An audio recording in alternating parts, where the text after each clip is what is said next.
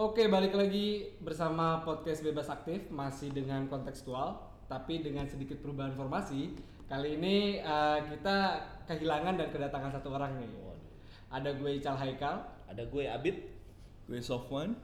dan gue Garda. Waduh, welcome to kontekstual. Terima ya, kasih ya sambutan hangat. Jadi yang yang hilang hari ini adalah Hafiz ya. Ya. Ya. Hafiz masih sibuk katanya. Ke mana dia? Sibuk sibuk reuni. Kemarin dia ya, kemarin gue lihat ada story di Instagramnya tuh dia lagi reuni 212 ya. Iya, heboh itu di snapgramnya dia terus dia tuh kan juga nulis artikel gitu kan di Wih. asumsi.co gitu. Wah, reader dan komentarnya itu ribuan. Isinya kecaman. Tapi tetap harus salut ya. Semoga kecamannya nggak mampir ke sini. Ya, ya. Ya, tapi Itu Hafiz doang. Tidak mewakili suara konteks oknum. beda audiens. Nah, kalau misalnya kemarin Hafiz sibuk dengan eh, urusan reuni dan pekerjaan ini. Ya. Kalau teman-teman di sini kemarin akhir minggu kemarin tuh ngapain aja tuh? Eh, karena udah tahu tuh Hafiz mau sibuk reunian ya, saya mempersiapkan materi buat hari ini. Anaknya well prepared. iya, iya. Enggak, enggak, saya tidur aja. Sakit soalnya lagi pancaroba. Kalau Mas Abid, Oh, gua abis pulang dari Nganjuk gua. Gua Oh. baru tiga jam yang lalu nih nyampe eh, Depok. Ya. Terus langsung ke sini nih langsung kita. Dedikatif ya? Dedikatif. Demi kalian semua. Demi, Wah. demi audiens, demi netizen, demi like. Iya. Mas Sofan ngapa- kemarin ngapain mas? Iya kebetulan eh, gue eh, main ke Salatiga. Nilainya 7 Iya. Aduh. Ketahuan sih ya. Itu bercanda tahun berapa? Itu bercanda ini. Sejauh ini Nah, berhasil. eh, kebetulan pas masuk ke kampusnya itu banyak banget polisi.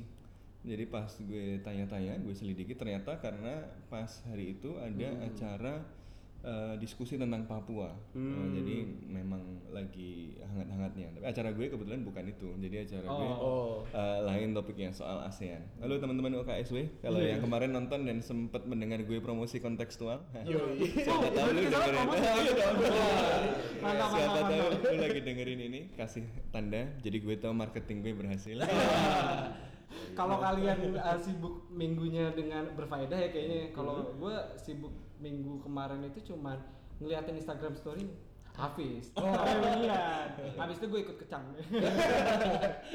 Emang kenapa? Iya, Bagus-bagus aja. Oh, saya cinta Hafiz. Tapi ngomong-ngomong juga Nggak, kalau tentang dia reuni yang 412 Beda beda golongan nih. Golongan dikit beda nah, di sini macam-macam golongannya Tapi uh, terkait minggu akhir pekan ya, uh, kondisi di uh, Papua juga kemarin kita turut berduka cita karena ada kejadian uh, insiden mungkin ya 31 orang pekerja di uh, Trans Papua kemudian menjadi korban dari adanya kelompok kriminal sipil bersenjata. Kalau narasinya di berita disingkatnya sebagai KKB nih. Hmm. Bukan KKB. OKB tapi. Ya, KKB Bukan OKB. Nah, eh, di episode kali ini podcast KKB Bebas Aktif- kakak-kakak baru Iya. Ini Mas Sofan on fire. Sedang bersemangat. Di episode keempat ya kita kali ini eh, podcast Bebas Aktif akan membahas tentang ada apa dengan Papua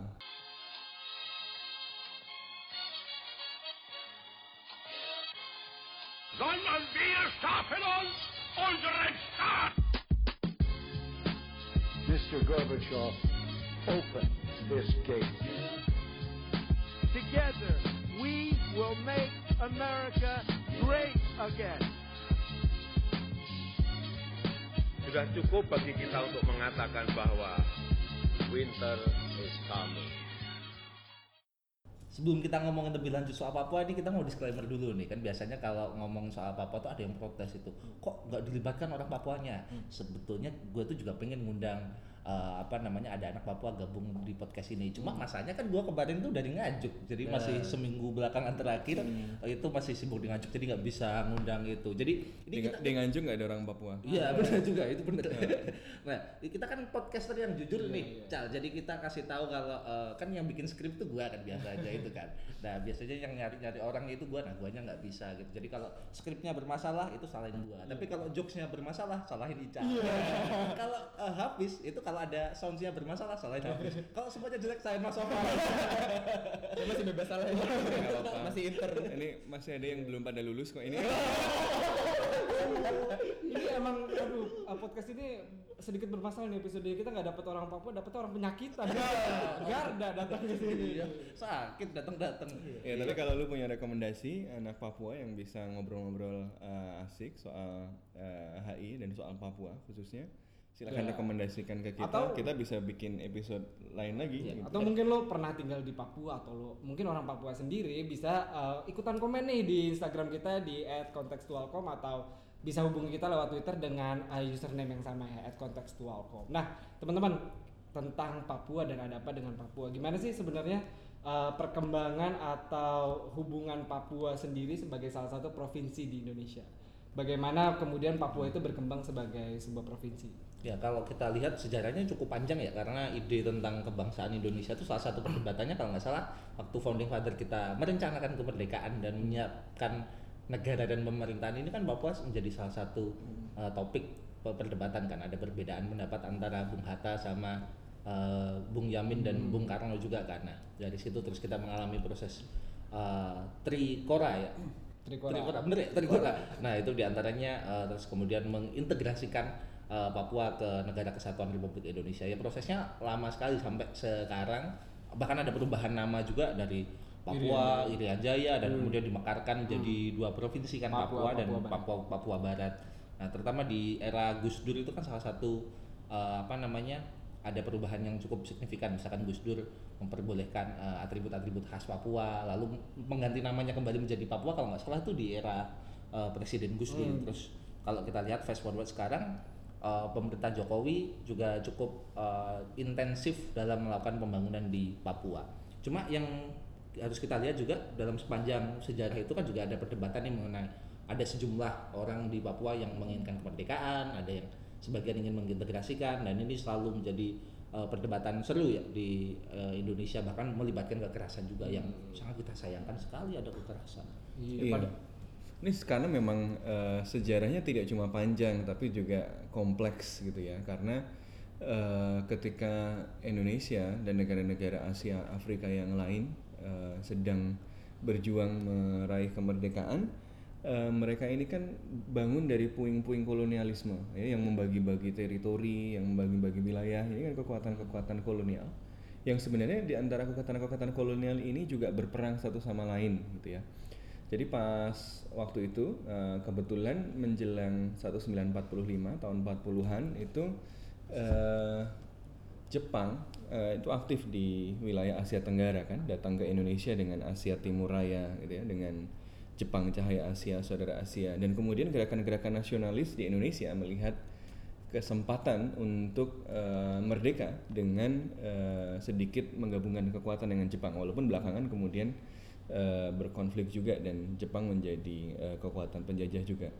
Nah ini yang kemudian eh, mulai eh, terjadi eh, sedikit perbedaan dengan kawan-kawan yang ada di Papua yang eh, di sana Belanda kemudian eh, bekerja sama dengan tokoh-tokoh Papua untuk melawan eh, Jepang di Matra Pasifik. Ya, jadi Belanda, Australia eh, ini eh, bekerja sama dengan tokoh-tokoh eh, Papua untuk melawan Jepang di Pasifik. Nah, setelah merdeka, kemudian eh, Indonesia waktu itu sedang sangat kuat ingin menjaga kemerdekaannya, maka dia sangat sensitif pada negara-negara yang diberikan kemerdekaan eh, oleh eh, kekuatan-kekuatan kolonial seperti Belanda. Jadi maka atau Inggris. Makanya pas Federasi Malaya Malaya di memproklamasikan kemerdekaan Indonesia kan kemudian menggelar konfrontasi karena oh ini negara Malaysia bonekanya Inggris gitu ya. Jadi yang di yang eh, yang dibayangkan wah ini kalau dia jadi bonekanya Inggris dia bisa mengancam kedaulatan nasional Indonesia. Demikian pula dalam kasus Papua ini ya Belanda memberikan kemerdekaan kepada eh, eh, orang-orang yang eh, dijajah dan mewakili eh, rakyat Papua pada waktu itu yang kemudian men- eh, dikhawatirkan oleh Indonesia pada waktu itu akan menjadi alat bagi eh, eh, mengganggu kemerdekaan Indonesia. Inilah yang kemudian mendorong eh, kehendak untuk kalau begitu eh, kita ajak saja bergabung eh, rakyat Papua yang sebenarnya ke dalam Indonesia gitu ya. Nah masalahnya kemudian adalah eh, ya sepanjang proses perjalanan ini ada eh, tarik ulur dan eh, klaim dari masing-masing eh, pihak yang kemudian menimbulkan pemaknaan sejarah yang berbeda. Gitu ya. Eh, Indonesia sendiri misalnya memandang bahwa eh, the act of free choice atau yang kita sebut sebagai eh, sebagai pepera gitu ya. Perpera ya. Tahun setelah itu ada 1969 ya kalau ya, salah. eh, yang kemudian eh, tahun berapa itu ya? 69. 61 bukan 62. 61 itu eh, Belanda menyerahkan ke PBB jadi Oh, nah itu. iya, iya, Terus iya. baru baru Wah baru- benar berarti iya. sudah riset beneran. Sudah Ya, itu bisa bisa mungkin dari Garda yang menceritakan eh, lebih Ya, boleh. rinci ini. gitu. Wah, sampai udah dikasih Ini kalau kalau dilihat catatan ini sampai Austronesian loh. Ini, ini hebat ini. Oh udah dikasih kesempatan ya? Iya jadi eh, menambahkan sebenarnya tadi mau nanya sih harusnya kayak langsung masuk. eh, tadi kan udah disebutin juga nih beberapa kayak sejarah Papua dari zaman eh, konteks kemerdekaan dan dari konteks eh, apa ya kesamaan visi Indonesia yang bahwa kita ini menolak apa ya penjajahan di atas bumi Betul. dan mendukung perdamaian abadi dan etc etc. Nah pertanyaannya adalah sebenarnya tadi seharusnya kita melihat sejarah Papua itu bagaimana di antara banyak apa narasi-narasi tandingan seperti itu sejarah yang kita bangun itu harusnya yang kayak gimana yang kita lihat buat memahami isu Papua gitu Yang pernah gue baca Mm-mm. eh, presiden pertama kita eh, Bung Karno Iya. pernah memberikan apa ya kayak panjangan kepanjangan dari Irian itu ikut Republik Indonesia anti Netherlands. ya itu tadi. Makanya itu erat kaitannya dengan eh, masa-masa nation building Indonesia. Yang waktu itu wilayah Indonesia sendiri juga masih eh, meluas dan menyusut masih dibayangkan ini siapa sih sebenarnya yang masuk dalam wilayah Indonesia? Kita tentu ingat tahun 40-an tahun 48 misalnya eh, ada kesepakatan eh, eh, Renville di mana kemudian eh, kita menyepakati Republik Indonesia Serikat yang kemudian eh, Republik Indonesia ini dibagi-bagi menjadi banyak wilayah eh, negara federasi gitu ya di bawah Ratu Belanda misalnya. Jadi kita harus ingat bahwa eh, yang namanya Indonesia ini bukan sesuatu yang dari awal sampai akhir ini eh, tetap sama gitu ya.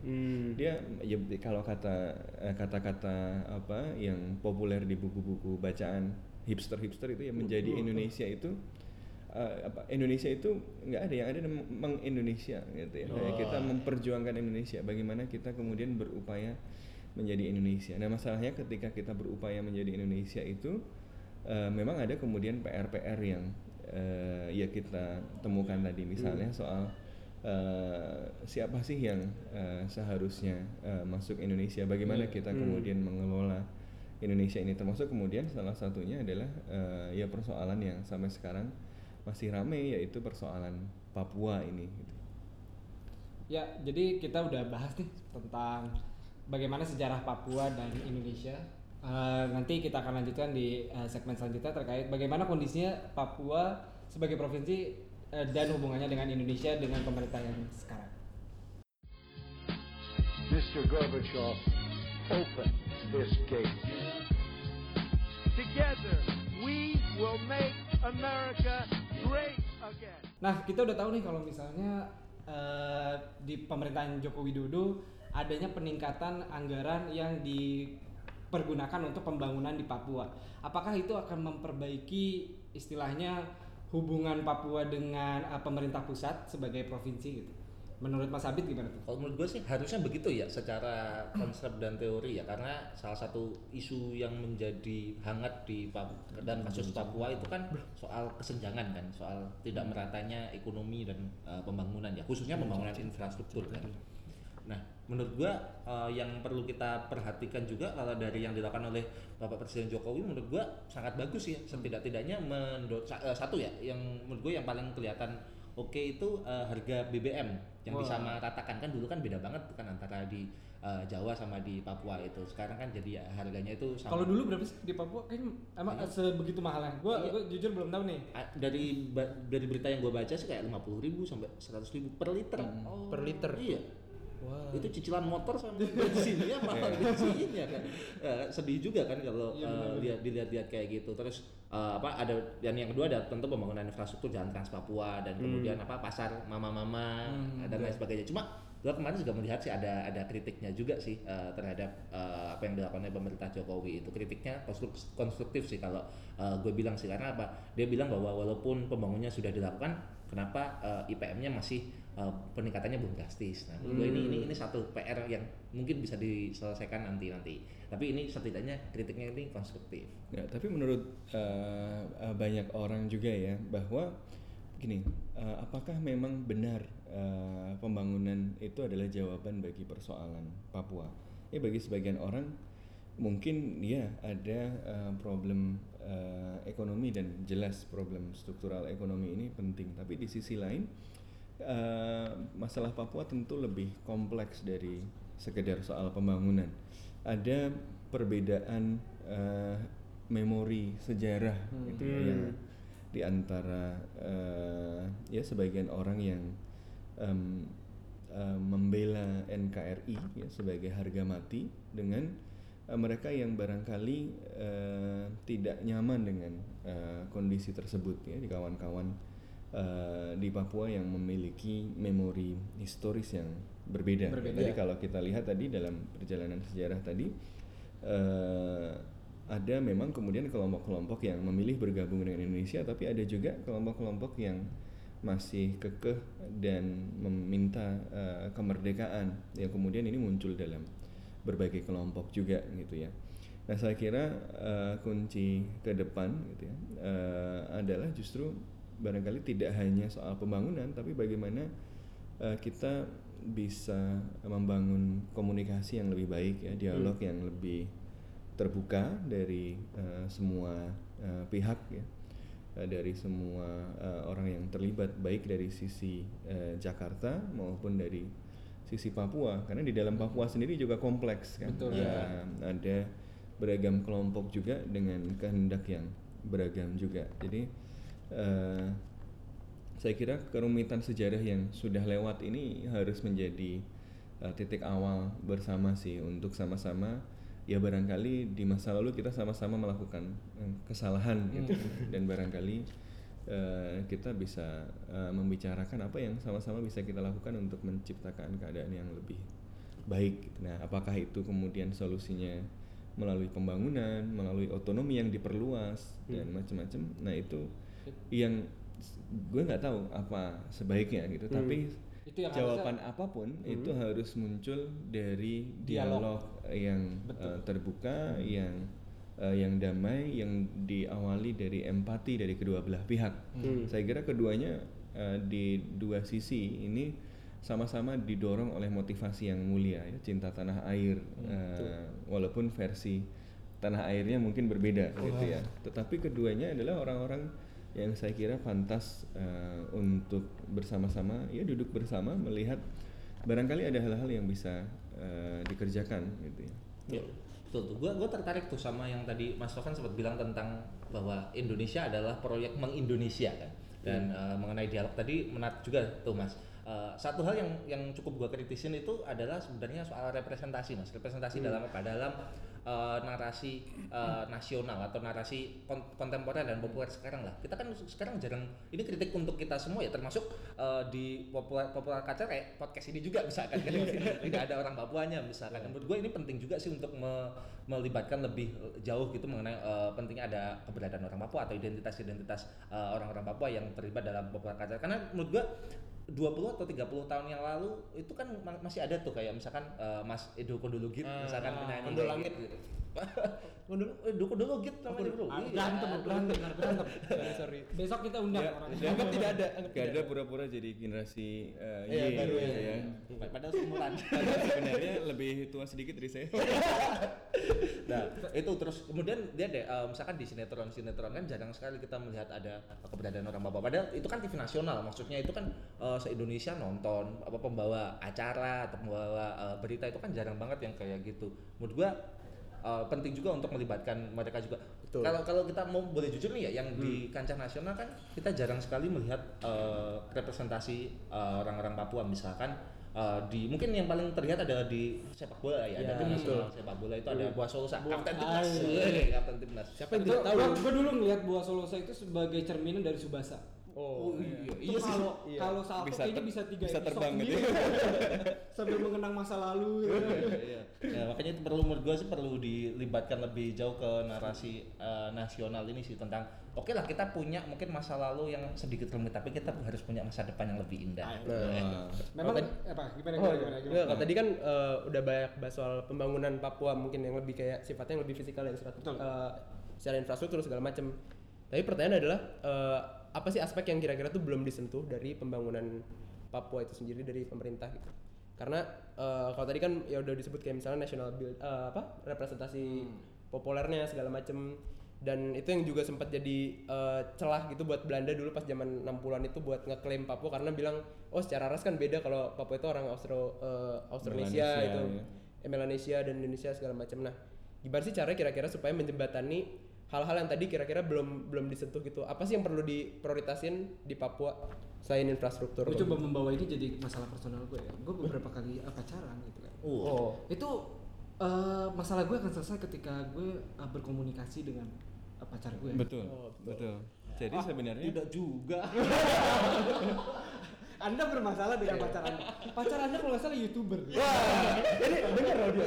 Karena Hati-hati Anda. Jadi kayaknya emang uh, concern orang YouTube, uh, youtuber youtuber kayak gitu ya. Kita kan nanti juga bikin akun YouTube. ini Kayaknya pacarnya nggak denger loh ini. Atau jangan-jangan penyelesaian masalahnya adalah dengan bikin video klarifikasi. gitu. Nah, Iya. Ya masalah ini kan sebenarnya tentu multidimensional ya. Ada aspek-aspek yang sifatnya struktural, ya. Soal hal-hal yang sifatnya eh, memang tangible material gitu ya. Soal ketidakadilan ekonomi misalnya. Eh, Sebagai salah satu provinsi yang kaya atau sebagai sebuah daerah yang kaya, eh, misalnya ternyata eh, dampak dari eh, pembangunan ekonomi eh, masih belum merata. Indonesia Timur dan khususnya Papua masih eh, menjadi kawasan yang eh, relatif eh, tidak mendapatkan manfaat pembangunan dengan optimal. Eh, ketimpangan masih eh, tinggi gitu ya. Nah karena itu eh, tentu ini juga menjadi isu yang perlu dihadapi. Ini satu. Tapi yang kedua juga ada isu yang non material gitu ya. Isu yang eh, berkaitan dengan eh, gagasan, ya. isu yang berkaitan dengan identitas. Nah, kalau isu-isu yang non material ini eh, tentu prosesnya akan lebih lama, lebih rumit gitu ya. Eh, jawabannya eh, ada yang misalnya memberikan jawaban, oh kalau begitu harus nation building, oh, harus dibuat kurikulum supaya mereka, supaya kawan-kawan lebih merasa Indonesia gitu ya. Tapi penting juga untuk diingat bahwa identitas itu tidak hadir dengan eh, ceramah kan, tidak hadir dengan diberi kurikulum tertentu. Identitas itu ya adalah bagian dari keutuhan eh, pribadi maupun eh, kolektif sebuah masyarakat gitu. Karena itu eh, menurut saya titik awalnya baik masalah struktural maupun masalah identitas tadi dan masalah apa perbedaan kenangan sejarah itu eh, penting untuk dijawab dengan ya tadi tidak ada cara lain kecuali komunikasi langsung, ya, kecuali ngobrol-ngobrol yang eh, dengan dengan empatik dengan baik gitu ya.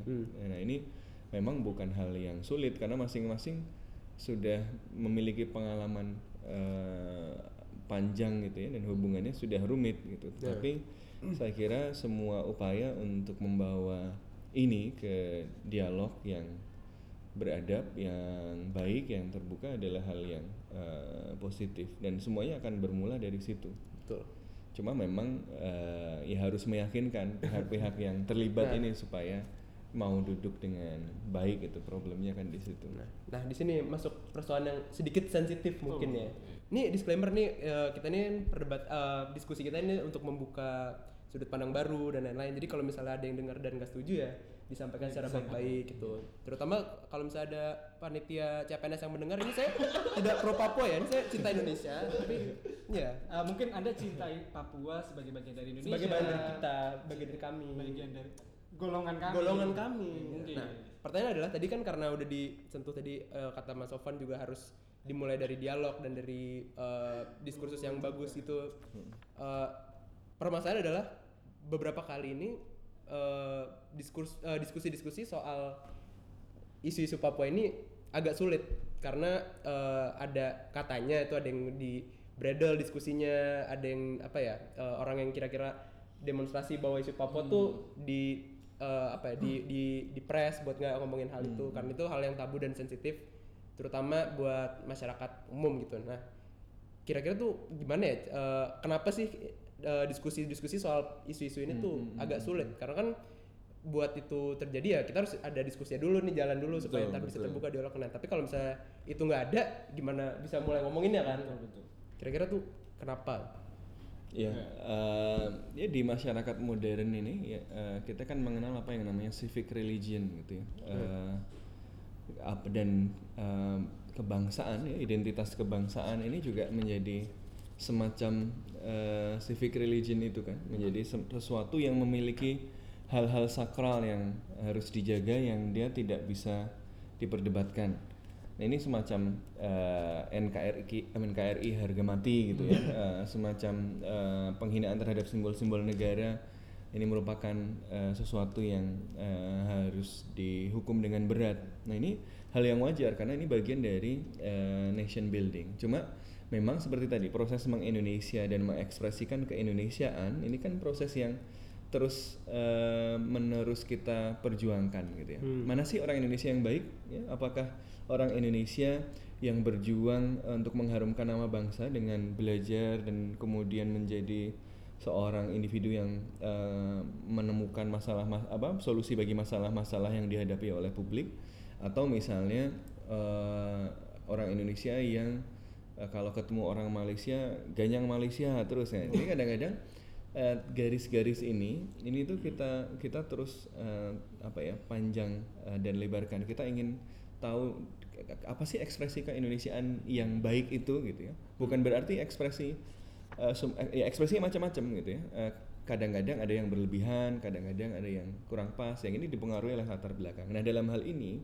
ada orang-orang yang karena saking cintanya terhadap Indonesia, kadang-kadang ekspresinya eh, sangat kuat gitu ya. Tidak termasuk terduga. ya, termasuk misalnya eh, ya semua segala hal yang dianggap mengancam keutuhan NKRI, misalnya mendiskusikan apakah Papua itu ada pelanggaran HAM atau tidak dan seterusnya berarti itu meragukan negara berarti harus dihentikan dan seterusnya. Nah, it- nah itu barangkali adalah ekspresi kebangsaan ya, yang didukung oleh semangat yang tinggi tapi rasanya kok malah kurang pas gitu ya. Jadi eh, kita hargai semangatnya tapi saya kira penting untuk eh, menjadi lebih konsisten dengan nilai-nilai keindonesiaan itu sendiri dan dalam nilai keindonesiaan itu yang muncul di dalam Pancasila ada pasal ada sila kedua yaitu kemanusiaan yang adil dan beradab.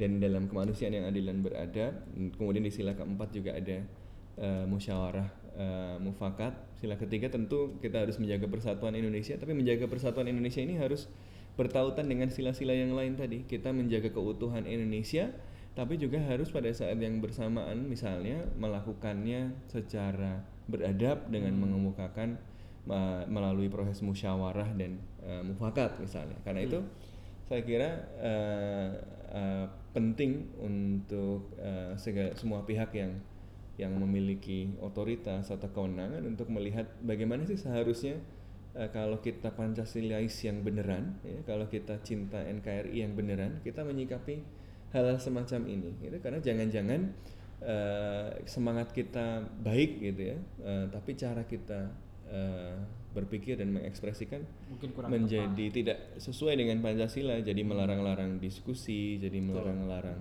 eh, perdebatan. Nah ini yang eh, s- apa? Ya saya kira penting untuk direfleksikan kita semua. Ya, bahasanya sudah cukup halus loh.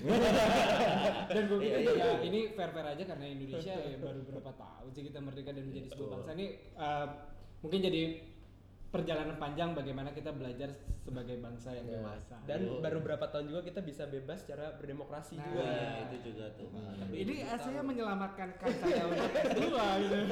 Tapi ngomong demokrasi tadi, ini adalah titik balik yang penting gitu ya, karena selama eh, eh, pra reformasi ya, narasi tentang Papua ini kan memang eh, sangat monolitik ya dari versi Indonesia versi Jakarta saja. Pasca demokratisasi eh, narasinya mulai beragam ya pemerintah pemerintah reformasi memberikan peluang bagi eh, eh, Papua untuk lebih bersuara. Makanya kan kemudian namanya diubah dari Irian Jaya jadi Papua, misalnya dan Papua Barat. Lalu ada banyak perubahan-perubahan otonomi yang diperluas dan seterusnya. Yang saya kira it's a good start eh, yang menunjukkan bahwa sebenarnya Indonesia mungkin memiliki itikat baik juga yang barangkali di sisi lain oleh orang-orang yang eh, masih tidak sepakat melihatnya ya masih belum terlihat serius nih masih belum banyak. Nah saya kira kan tentu sudut pandang banyak. Gitu jadi yang penting eh, ketemu gitu ya dan eh, bicara eh, baik-baik gitu kan Betul, betul. Ma- Kalau mengutip Queen nih ya, kalau kita mengkonklusikan segmen kedua ini, kalau kata Queen itu too much love will kill you every time. Oh. Oke, jadi di segmen kedua ini kita udah tahu bagaimana Papua dan eh, kondisinya di masa sekarang. Nanti di segmen selanjutnya kita akan bahas bagaimana Papua dengan hubungannya dengan aktor-aktor eksternal. Wah ini seru sekali. Iya, sudah ketebak aktornya siapa? kita lanjutkan di segmen berikutnya. Mr. Gorbachev, open this gate. Together, we will make America great again. Gue punya teman, eh, dia kuliah dan eh, beraktivitas di sekeliling kita juga. Dia pernah tinggal di Tembagapura selama tiga tahun. Hmm. dan katanya di sana justru uh, mungkin ya mungkin setelah gue dengar ceritanya itu terpapar sama orang-orang bule itu lebih sering daripada gue di Jakarta gitu karena gue aktivitasnya banyak kan di pinggiran Jakarta kan sedangkan uh, dia di uh, mungkin di pusatnya kegiatan orang-orang bule di sana nah kalau misalnya Anda Freeport? Apa itu Freeport? apa itu Apa itu Freeport? Ah, perusahaan kah? Jadi eh, gimana sih eh, aktor eksternal ini memandang Papua sebagai bagian dari Indonesia? Karena yang kita tahu banyak banget nih eh, perdebatan di luar sana nggak cuma di Indonesia tentang nasib Papua dan eh, hubungannya dengan negara Indonesia. Abid, Ya, eh, kalau isu tentang Papua ini kan selalu terkait dengan eh, aktor eksternal ya. Bahkan sejak awal isu ini ada gitu, misalkan ada Belanda, ada PBB, lalu eh, dan aktor-aktor lainnya. Eh, yang kalau kita lihat yang akhir-akhir ini aja ya, yang paling kelihatan mencolok dalam me- mendukung kelompok-kelompok eh, yang ingin Papua merdeka itu kan negara-negara di Melanesian Spearhead Group itu kan ada Vanuatu, Solomon Island dan kawan-kawannya. Dan mereka kan ngomong kenceng juga kan di mana eh, General Assembly itu. Beberapa- be- udah berkali-kali loh kalau nggak salah nggak hanya tahun ini aja tahun-tahun lalu terus ada Yang kemarin eh, ramai itu ya. Iya, yang kami terus tahun lalu kan sempat kita ada senior kita. tuh. Ada senior diplomat kita. Indonesia. Halo, Kanara, kalau denger. Iya, Kanara. Cantik keren. Anda bawa-bawa cantik. Nah, itu eh, di antaranya aktor-aktor eksternalnya yang gitu. Cuma kalau dalam narasi populer di Indonesia yang bisa benar bisa enggak kan salah satu yang selalu dikaitkan dengan Papua itu kan kalau nggak Australia Amerika. Nah, kalau Mas Sofan gimana tuh? Ya sebenarnya keterlibatan eh, apa kompleksitas isu Papua ini juga sangat erat kaitannya dengan politik internasional ya. Kalau kita ingat eh, dulu eh, salah satu alasan kenapa Indonesia dapat mengintegrasikan Papua adalah adanya dukungan internasional, ya, terutama dari Blok Barat. Ya, kalau kita ingat tahun 1949 ya, Belanda akhirnya mengakui kemerdekaan Indonesia. Eh, setelah eh, apa selama empat tahun itu dia tidak mengakui proklamasi kemerdekaan bahkan sampai sekarang kan makanya ada ada upaya misalnya untuk eh, menengok sejarah pada masa revolusi itu yang dikecam oleh banyak sejarawan Indonesia dan bahkan sejarawan Belanda sendiri karena menjadi semacam whitewashing bagi tindakan kolonial. Belanda kan misalnya masih menganggap agresi militer itu sebagai aksi polisionil yang sah gitu ya. Nah, tapi kemudian eh, kaitannya sama itu adalah ketika Belanda mengakui kemerdekaan Indonesia, eh, Belanda masih menganggap Papua sebagai sesuatu yang terpisah dari Indonesia gitu ya. Sebaliknya Indonesia menganggap loh karena Belanda ini jangan-jangan Belanda mau ngapain nih dengan Papua kan gitu seperti Indonesia curiga dengan Malaysia pada waktu itu. Nah, tapi kemudian ini dipertarungkan di level internasional. Nah, pada masa itu sedang dunia sedang semakin terbelah dalam perang dingin gitu ya dan Amerika Serikat itu melihat Indonesia sebagai arena yang sangat penting. Gitu. Indonesia itu negara baru besar, pengaruhnya besar di Asia Afrika, kalau dia bergeser ke blok timur repot kita Wah. Nah, itu ya makanya kemudian Amerika Serikat berupaya supaya eh, Indonesia ini eh, bisa lebih kooperatif nah pemerintah Indonesia pada waktu itu kemudian menggunakan daya tawar ini gitu ya untuk eh, menekan supaya eh, ancaman eh, Belanda, ancaman kolonial tadi bisa dikurangi. Salah satunya misalnya dengan eh, wah kami ingin mengintegrasikan Papua gitu ya. Nah ini yang kemudian Mengajak mendapatkan saudara-saudara kita di sana Nah, ini juga gitu. kemudian mendapat eh, dukungan dari eh, blok Barat, dukungan dari Amerika Serikat yang kemudian karena Belanda ini cuma anggota klub blok Barat yang eh, anggota kecil gitu ya, ya akhirnya pas Amerika bilang eh, apa kayaknya biarin eh, Indonesia gitu ya eh, mengintegrasikan Papua ya akhirnya mereka eh, oke-oke saja. Makanya kemudian salah satu eh, proses yang kemudian terjadi adalah proses ini dibawa ke PBB ya. Iya, betul. Eh, gimana tuh? Jadi, eh, Garda? ini- Kayaknya udah belajar juga ceritanya kan? Iya jadi eh, mau nambahin juga jadi eh, udah sebenarnya riset di sini ada buku ditulis sama namanya Bill Versing Hmm. Eh, soal Papua. Jadi judulnya itu Papua Geopolitics and Quest for Nationhood tahun 2008 jadi bener kalau kata Mas Sofan dan Abid juga ini sebelum ini Papua tuh ada konteks perang dinginnya juga. Karena perang dingin itu Indonesia itu punya posisi tawar di eh, apa? Eh, eh Amerika punya kepentingan di Indonesia supaya nggak terjerumus ke blok komunis. Akhirnya Amerika lah yang ngedorong Belanda itu supaya udahlah kasih aja gitu. Karena ya udahlah Papua eh, buat buat eh, buat Amerika tuh harga yang harus dibayar lah supaya Indonesia nggak terjerumus ke eh, bloknya kiri blok komunis. Nah itu tahun 62 itu baru makanya Belanda setuju untuk diserahkan ke UN administratif. Jadi itu wilayah khusus eh, wilayah internasional gitu. Mungkin agak mirip mungkin ya kayak yang Palestina sempat jadi Oh. itu teritori internasional ya, UN Eh, ya udah melalui New York Agreement tahun 62 eh, mereka tuh sepakat akhirnya ini harus ada referendum sampai tahun 1969 itu harus sudah selesai 69 udah selesai mereka eh, bikin referendum nunjukin jadi ini anak eh, orang-orang Papua ini sebenarnya condong apa? maunya apa? Itu Maunya apa mau merdeka atau mau eh, jadi bagian dari Indonesia? Nah akhirnya lah itulah dibikinkan yang tahun 69 itu eh, Act of Free Choice. Meskipun ya ada Nah, rumor-rumor. Di sinilah, di sinilah kemudian uh, memori sejarah itu berbeda ya. Nah. dalam versi Indonesia uh, yang resmi ya bahwa ya melalui proses referendum itu teman-teman di Papua sudah memilih bergabung dengan uh, Indonesia. Betul. gitu ya. Sebaliknya menurut mereka yang uh, masih melihat bahwa uh, in- itu tidak benar, ya proses ini tidak berjalan dengan baik gitu ya, Eh, prosesnya tidak berjalan dengan fair, dengan adil.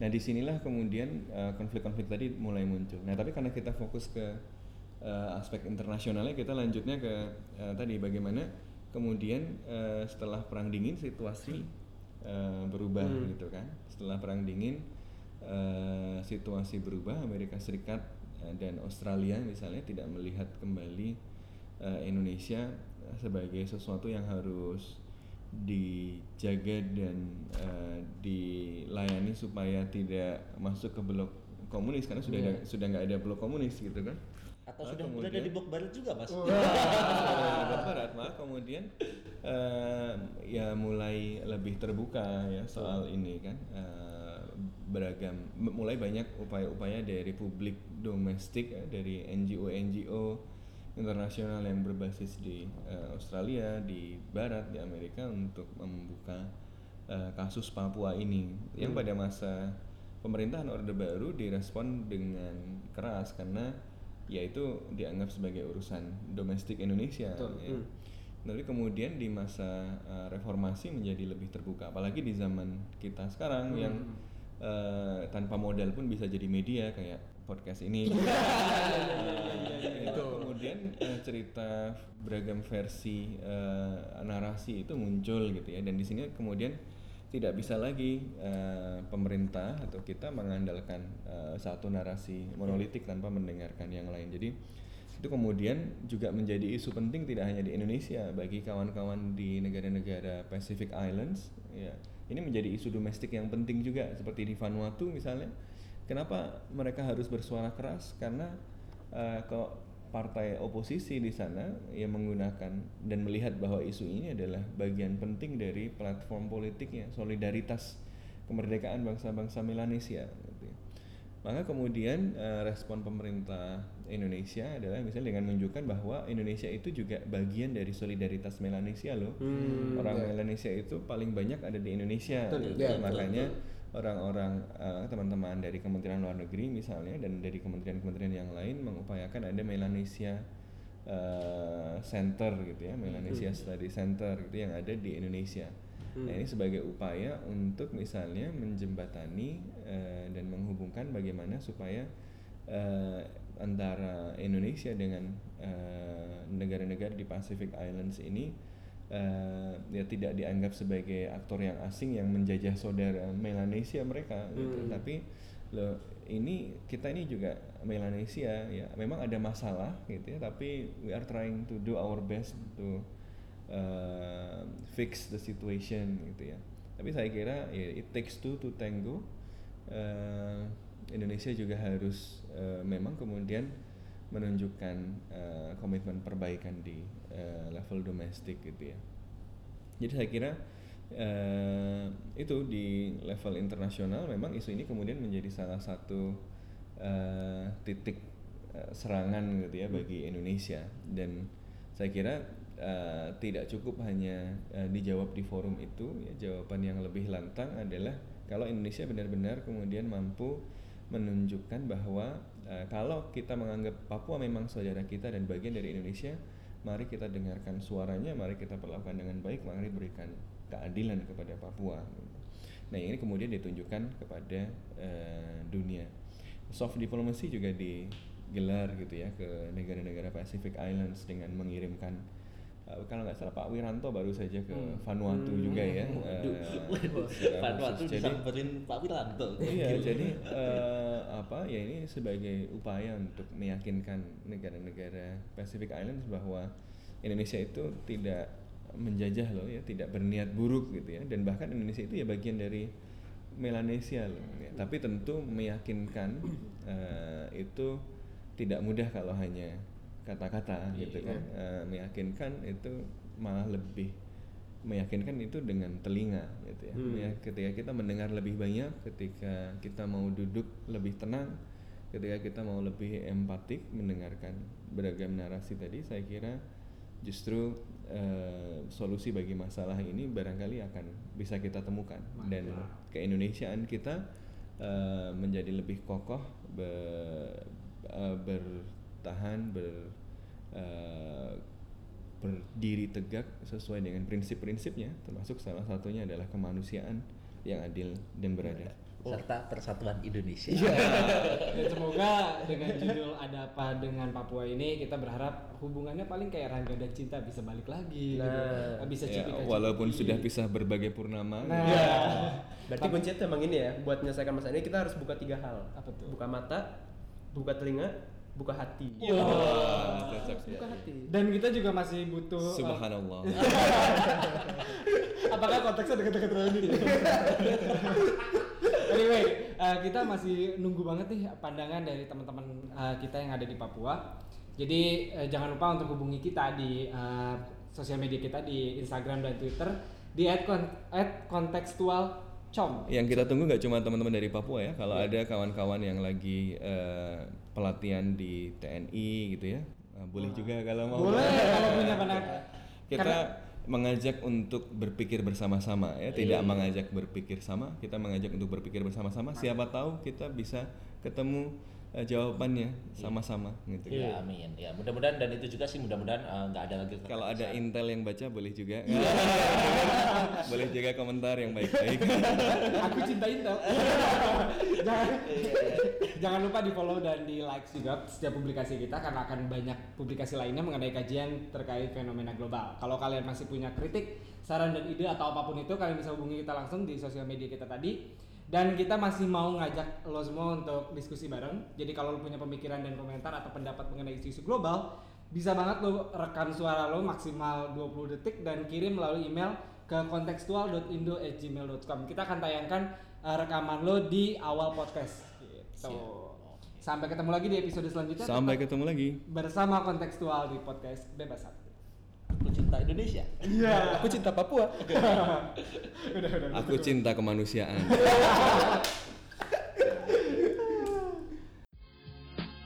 Mr. Gorbachev, open this gate. Together, we will make America great again.